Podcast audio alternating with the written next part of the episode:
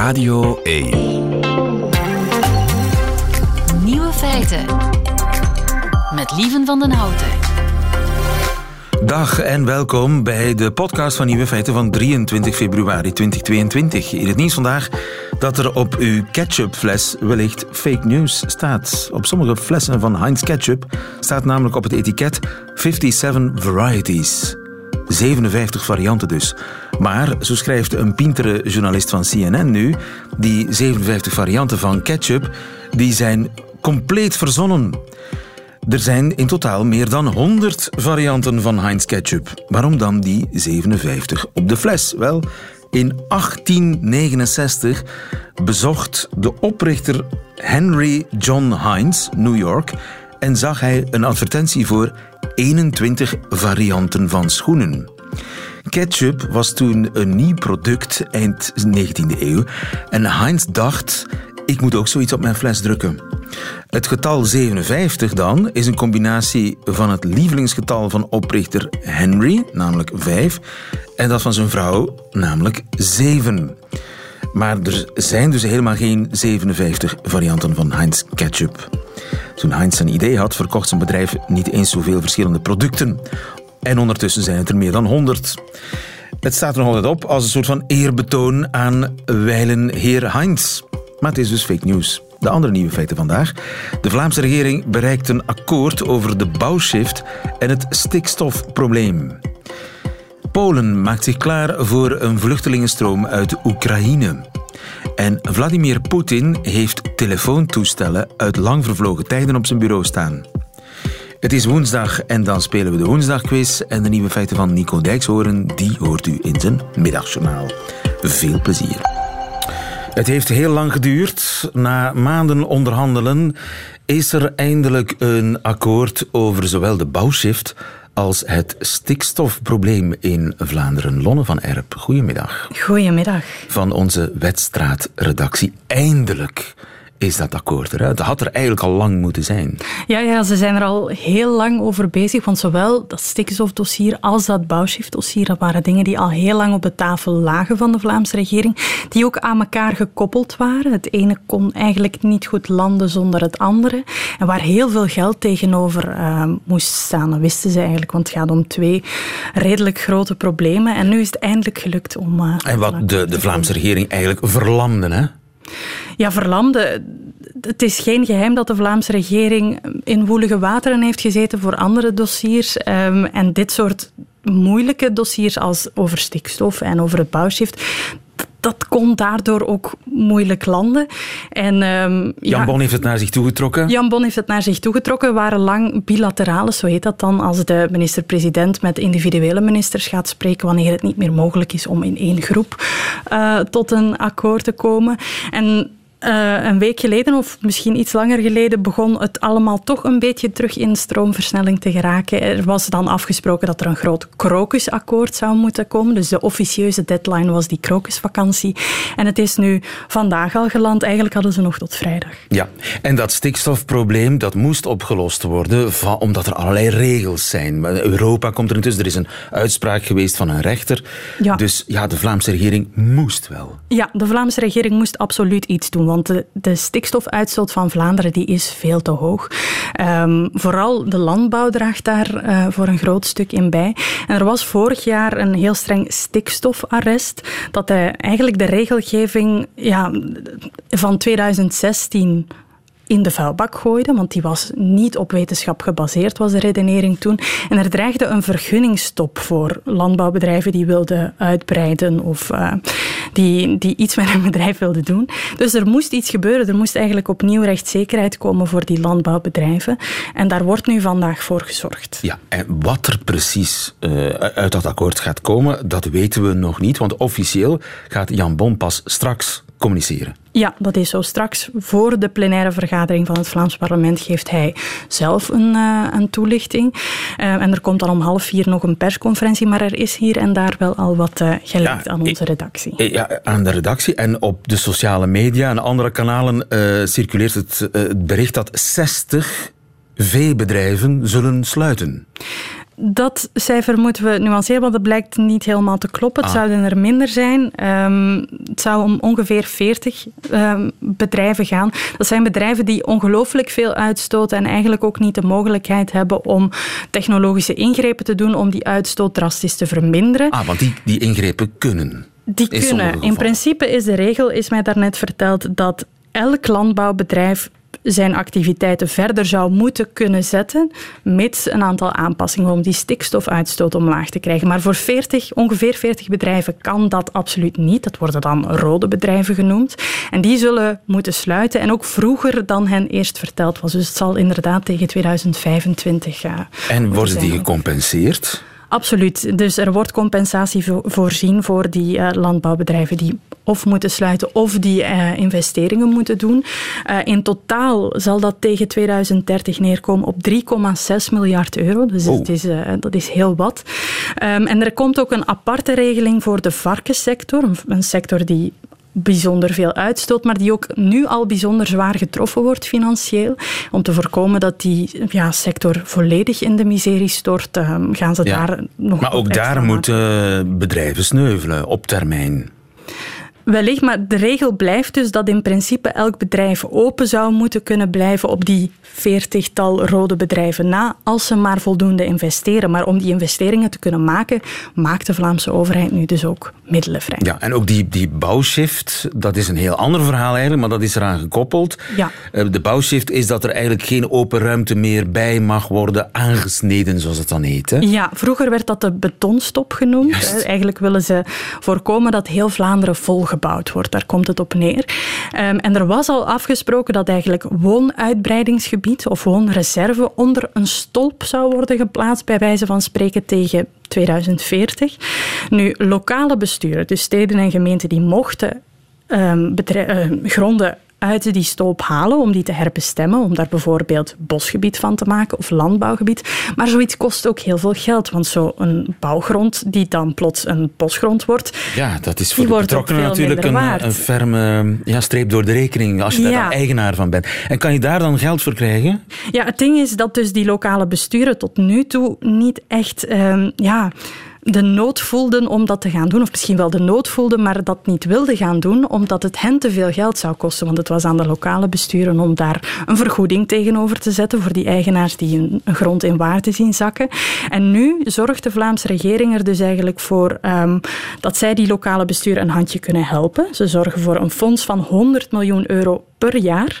Um, waarmee ze dus eigenlijk die lokale besturen gaan helpen om die herbestemmingen te gaan betalen. Ja, uh, meer details gaan we nog in de loop van de middag uh, vernemen. En dan uh, kom je ons natuurlijk ook vertellen, niet mij, maar collega's van mij, vertellen wat er dan precies beslist is. Is dit nu eigenlijk ja, een, een horde die genomen is door de Vlaamse regering? Komt er nu een nieuw elan? dat uh, ga ik straks een keer aan Jan Jan Bon vragen als ik uh, de kans krijg. Maar je merkt in ieder geval dat het wel is waar, of ja, dat dat op zijn minst is wat Jan Jan Bon nu zal willen uitstralen, denk ik. Het ja. zal in ieder geval. Maar het gaat wel een hoop geld kosten. Het zal een hoop geld kosten. En waar het vandaan komt, ook dat zullen we straks uh, pas horen. Lonne van Erp, dankjewel. Goedemiddag.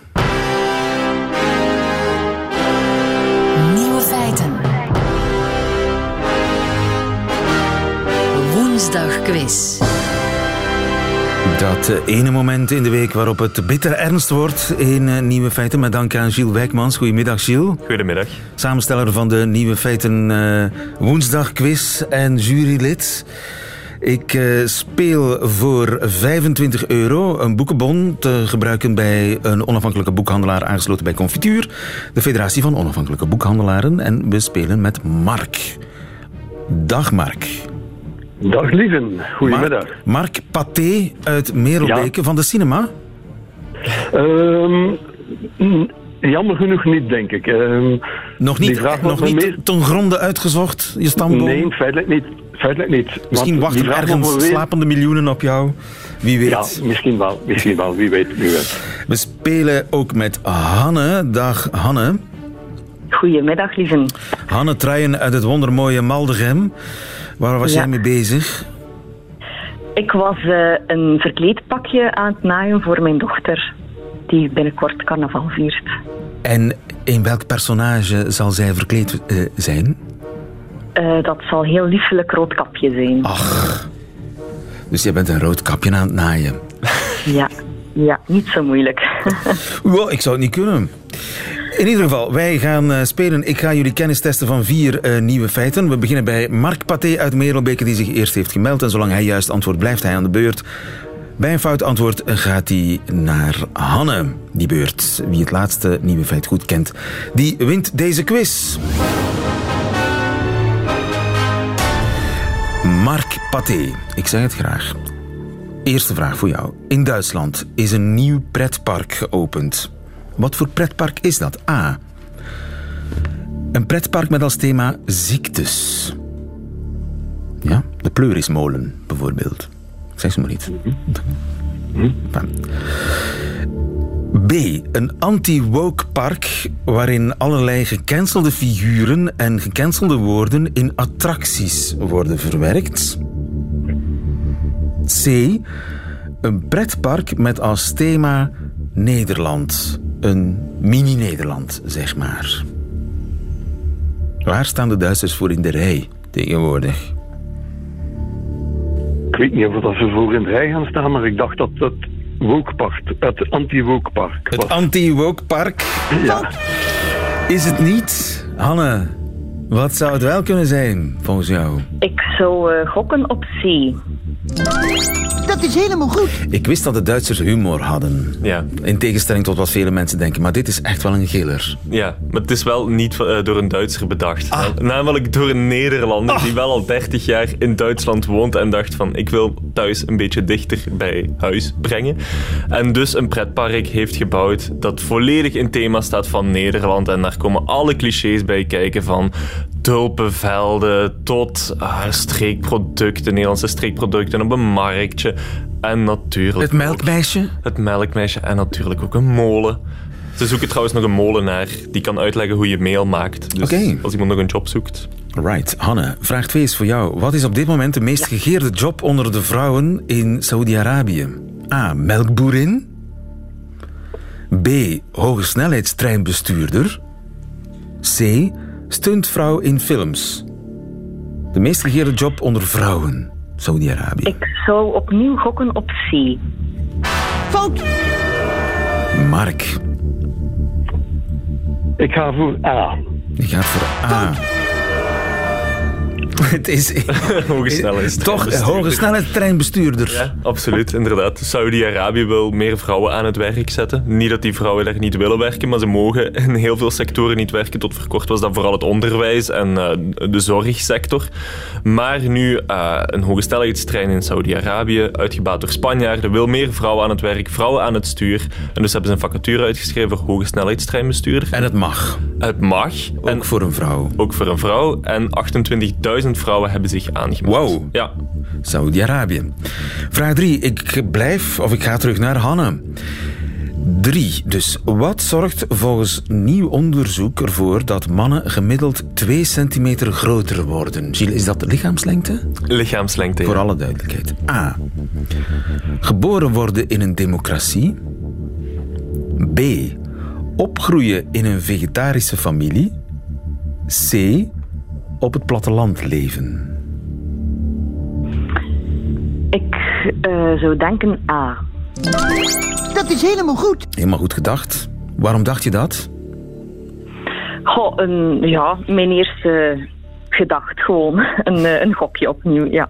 Eh, voor jou is het logisch, maar is het ook logisch? eh? Het is ook logisch, ja, Aha. inderdaad. Dus die onderzoekers hebben gekeken naar Europese landen en dan ook oud-Sovjetlanden, waarvan ze de overgang hebben meegemaakt van dictatuur naar democratie. En dan zagen ze dat naarmate het land democratischer werd, mensen, dus effectief mannen trouwens alleen, het, effect geldt alleen voor mannen, Dat is raar. ja, inderdaad. En ze verklaren dat ehm, mogelijk is omdat vrouwen, hoe voorbeeldig een democratie ook is, sowieso te maken krijgen met seksisme, geweld en economische ongelijkheid.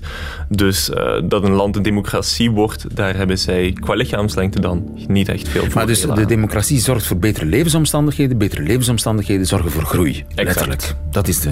En minder stress en zo, wat dan ook een lichamelijke eh, gevolgen. Slotvraag over stress gesproken, Hanne. Als je die hebt, dan uh, heb je die boekenbon van 25 euro. Wat blijkt een veelbelovend geneesmiddel te zijn voor een zeldzame aandoening bij honden? A. Een zetpil. B. Koffie. C. Viagra. Um, dan gok ik opnieuw op C. Dat is helemaal goed. Dat is helemaal goed. Dat betekent dat wij één winnaar hebben. Super.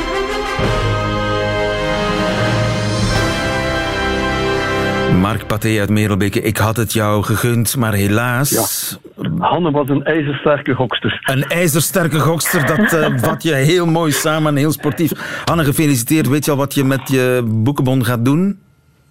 Ja, ik zou uh, um, een leuk kinderboek willen kopen. Iets met rood kapje bijvoorbeeld? Ja, wie weet. Wie weet. maar, maar Gilles, uh, dus voor alle duidelijkheid, Viagra helpt honden. Ja. Hoe? Omdat het gaat over de aandoening in kwestie megaoesophagus. Ik heb zelf geen hond, dus ik heb het even moeten lezen. Um, en dat zorgt ervoor dat de slokdarm opzwelt, waardoor dat voedsel eigenlijk niet meer in de maag terechtkomt. En Viagra ontspant de spieren rond de slokdarm, waardoor dat, dat voedsel toch de maag kan bereiken. Kijk, de hond kan er maar uh, wel bij varen. Hanne Truijen, uh, nogmaals gefeliciteerd. En volgende week woensdag is er weer een woensdagquiz. Goedemiddag. Nieuwe feiten. Intussen, in Polen, maken ze zich klaar voor de Oekraïense vluchtelingen. Mark Pers, goedemiddag. Goedemiddag. Jij bent onze man in Polen. Hoe ver zit jij van de grens? Een twee en een half uurtje rijden, lieven. Dus dat is uh, nog wel een eind van het wapengekletter vandaan. Maar het echoot ook hier, want het leeft natuurlijk bij de mensen. En ook uh, in mijn eigen familie, de stad waar mijn dochter studeert, Lublin. Die is echt zeg maar, het laatste westerse bolwerk in Oost-Polen. En dan is het uh, ja, hooguit een uurtje, een uurtje en een kwart rijden naar Oekraïne. Ja, twee uur rijden vind ik ook nog redelijk vlakbij hoor, Mark. Uh, want uh, dat brengt die oorlog toch echt bijna tot, op je, je tot aan je drempel. Nu, ik lees dat elke gemeente in Polen zich moet voorbereiden op de komst van de Oekraïense vluchtelingen. Klopt dat? Dat klopt inderdaad. En het gaat dan vooral natuurlijk om de gemeenten en de provincies die grenzen aan Oekraïne. Dat is uh, uh, het, het, hoofdgebied van waar die vluchtelingen worden verwacht.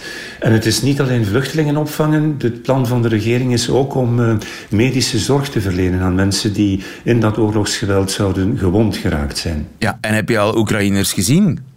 Ik heb er al heel veel gezien, want velen van hen hebben niet gewacht op de oorlog om naar Polen te migreren. Hun aantal wordt geschat op een paar honderdduizend tot twee miljoen. En dat komt natuurlijk omdat, eigenlijk moet je zien, lieve, dat Polen voor Oekraïne een voorbeeldland is. Alle dingen, alle goede dingen die Polen jarenlang over Duitsland vertelden, vertellen Oekraïners nu over Polen. Namelijk een land zonder corruptie, goede wegen, goed onderwijs, goede infrastructuur. Uh, bloeiende economie, relatief stabiele democratie. Dus allemaal dingen die ja, heel aangenaam zijn om in te wonen. En daar zijn die 2 miljoen Oekraïners al op afgekomen. Natuurlijk omdat hier heel veel werk is. De economie draait als een lier. Uh, ook dit semester zal het weer plus 7% zijn. Dus bijvoorbeeld in Warschau, iedereen die daar een job wil, die vindt er een. Ook Oekraïners. Heel lang waren die een beetje verborgen, zaten in de bouw, poetsdames, tuinmannen. Zeg maar de jobs van de tweede linie. Maar nu zijn die heel zichtbaar geworden. Hè. Die werken bijvoorbeeld als kelner. Of de receptionisten van mijn favoriete hotel in Warschau zijn bijna allemaal Oekraïners. Of de jonge dame die oortjes, de oortjes van mijn dochter doorboort om er uh, oorbelletjes in te stoppen, Oekraïense. Mijn barbier, Oekraïner. En zo kan ik doorgaan. En die talen, zijn die verwant? Oekraïens en Pools? Precies, die talen zijn heel erg verwant. Uh, het geloof speelt ook een rol. Hè. Oekraïners zijn weliswaar orthodoxen, maar toch ook christenen. Dus dat zijn al twee grote factoren. Dat maakt dat die assimilatie van die vluchtelingen eigenlijk zonder problemen verloopt. En waarom die Oekraïners, in tegenstelling tot uh, vluchtelingen of migranten uit Noord-Afrika, zijn die Oekraïners hier wel, bij het overgrote deel van de bevolking althans, heel welkom. En er is geen historische frictie tussen beide landen? Oh ja, natuurlijk. In Centraal-Europa en zeker hier, alles is geschiedenis. Hè. Je had uh, in Wereldoorlog 2 had je een rebellenleger van Oekraïners die vochten voor onafhankelijkheid, onder leiding van Stefan Bandera.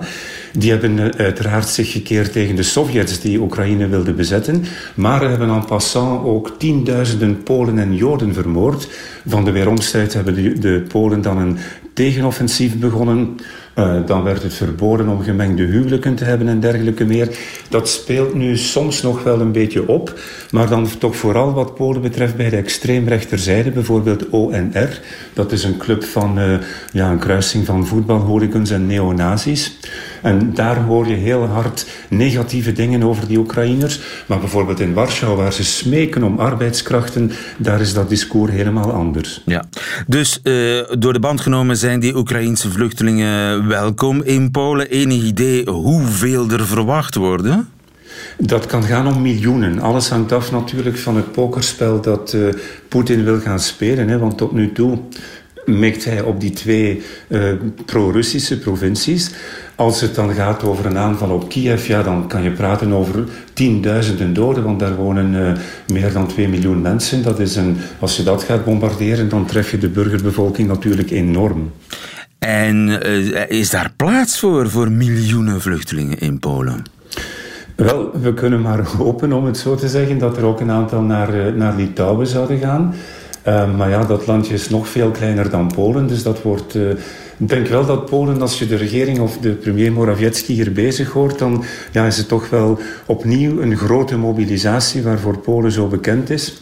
En dat in, op hetzelfde moment is er nog altijd die ruzie met het Europees Hof van Justitie en het al dan niet afpakken van Poolse Europese subsidies.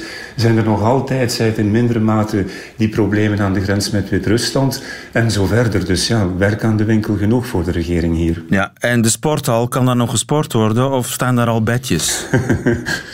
Wel, voorlopig is dat uh, niet echt een probleem. En, om te tonen hoe subtiel die valse informatie en die hybride oorlog wordt gevoerd, één voorbeeldje. Op de sociale media wordt nu al gezegd van ja, die Oekraïners die gaan uh, de scholen innemen. En de kinderen na maanden mochten ze eindelijk terug naar school wegens uh, min of meer einde van de covid-toestanden. En nu zouden die scholen dan bezet worden door Oekraïnse vluchtelingen en zouden de kinderen alweer het slachtoffer worden van een externe factor. Voorlopig is daar niets van aan. Er zijn geen aanwijzingen dat scholen zouden worden opgevorderd. Maar zie je, door dat uh, verbaal vergif in de sociale media te spuiten, proberen de Russen of de trollen of whoever de politiek daar garen willen bijspinnen, proberen die toch om de, de min of meer uh, positieve sfeer tegen Oekraïners om te keren. Ja, uh, Polen uh, verwacht miljoenen Oekraïnse vluchtelingen als Poetin nog verder gaat dan de Donbass. hou de situatie voor ons in de gaten daar in het oosten van Polen. Mark Peers, dankjewel. Goedemiddag. Heel graag, dag. feiten.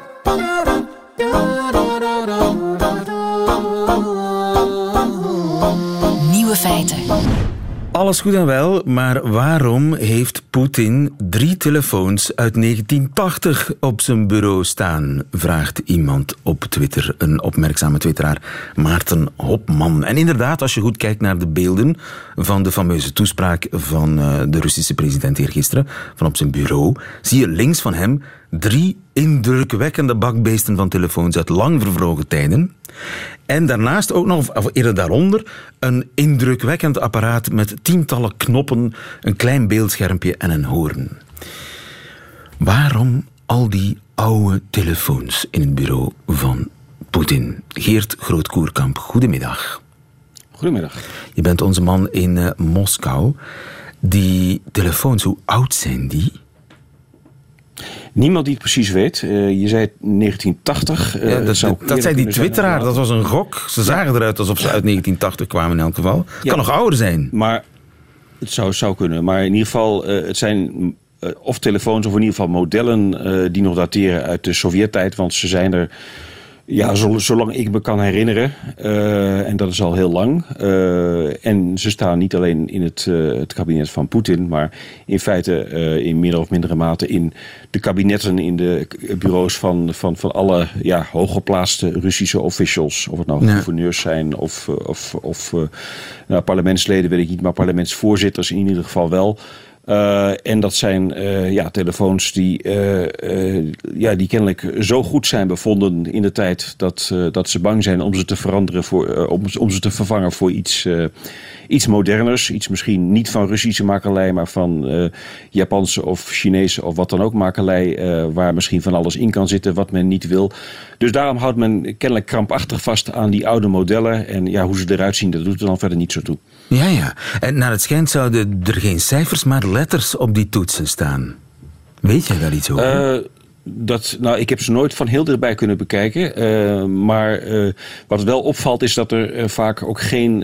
geen ja, het zijn oude telefoons, dus die hebben doorgaans draaischijven. Maar, of die hadden draaischijven, maar die zie je dus vaak ook niet. dus dat betekent dat in ieder geval bepaalde telefoons bedoeld zijn voor uh, een verbinding met slechts één enkele persoon of instantie. Uh, en dat, daar duiden waarschijnlijk ook die nummers op. Uh, dat, dat nummer één is voor, weet ik veel, voor de minister van Defensie. Ja. Of, of de nummer twee is voor de minister van Buitenlandse Zaken. Er is ook ongetwijfeld een telefoon ergens in, in, de, in het kabinet van Poetin uh, voor een directe verbinding met de president van de Verenigde Staten. Want uh, dat bestaat ook al heel lang, die, die, dat rechtstreekse contact.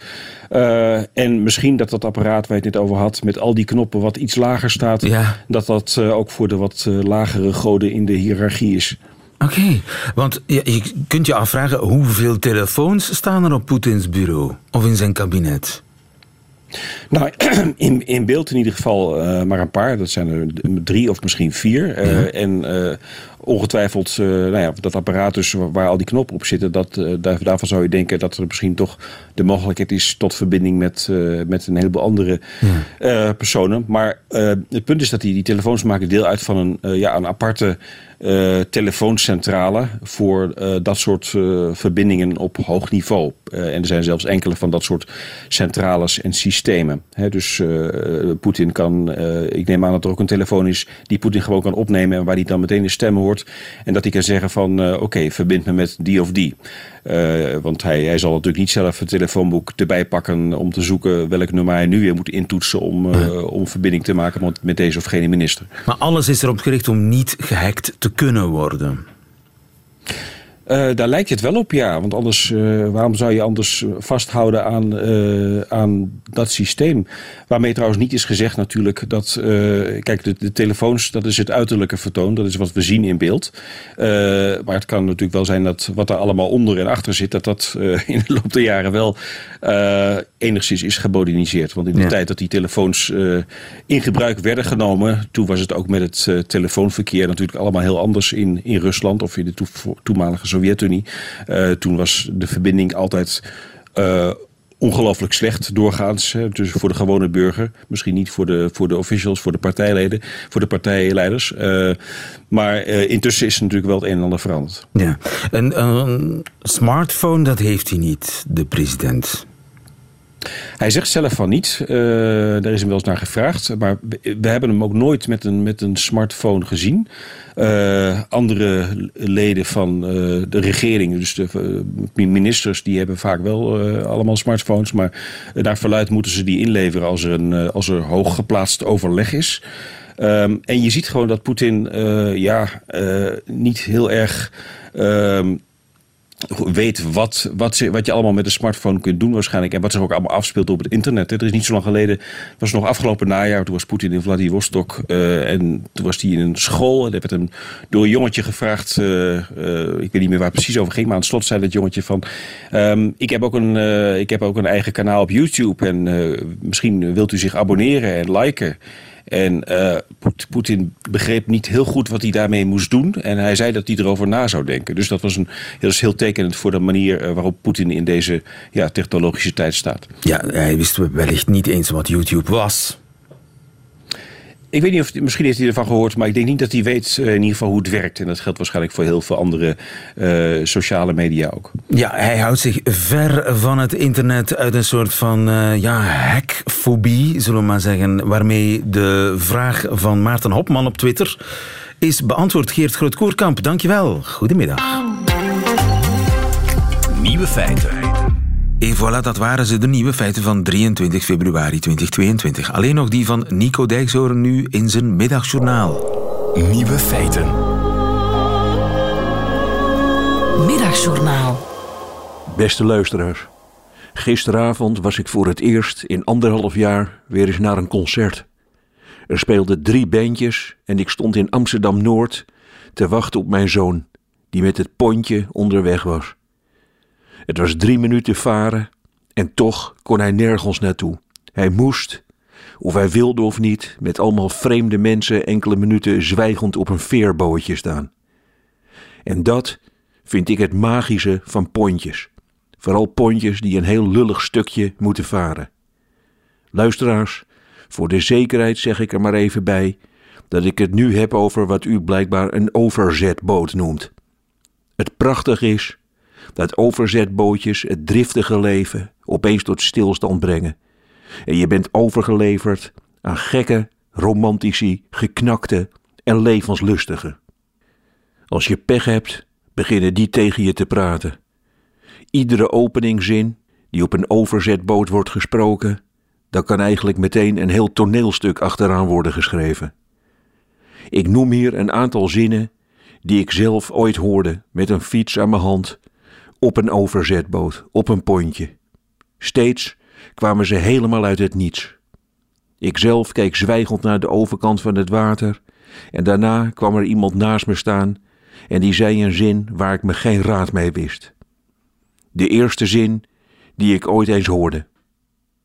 Ze zeggen dat dolfijnen met elkaar communiceren, meneer, nu wij nog. Tweede zinnen die ik ooit hoorde. Mijn zoon, meneer, wil me niet meer zien. Mijn dochter wel. De derde zin die ik ooit hoorde. Kijk, ze vliegen die vogels, om de boot heen, maar zelfstandig een maaltijd klaarmaken, dat kunnen ze dan even niet. De vierde zinnen die ik ooit hoorde. Sinds kort heb ik een vriend. Kijken of dat bevalt. In alle gevallen werd van mij helemaal niets verwacht. Ik hoefde helemaal niets terug te zeggen. Liever niet eigenlijk. Het waren zinnen die als een zak zand tussen ons invielen. Luisteraars, daarna kwam altijd het mooiste van een pontje, een overzetboot. De aankomst, de ijzeren klep omlaag, het starten van brommers. En daar ging iedereen weer, vol goede moed, vol gas, op een onbegrijpelijk leven af.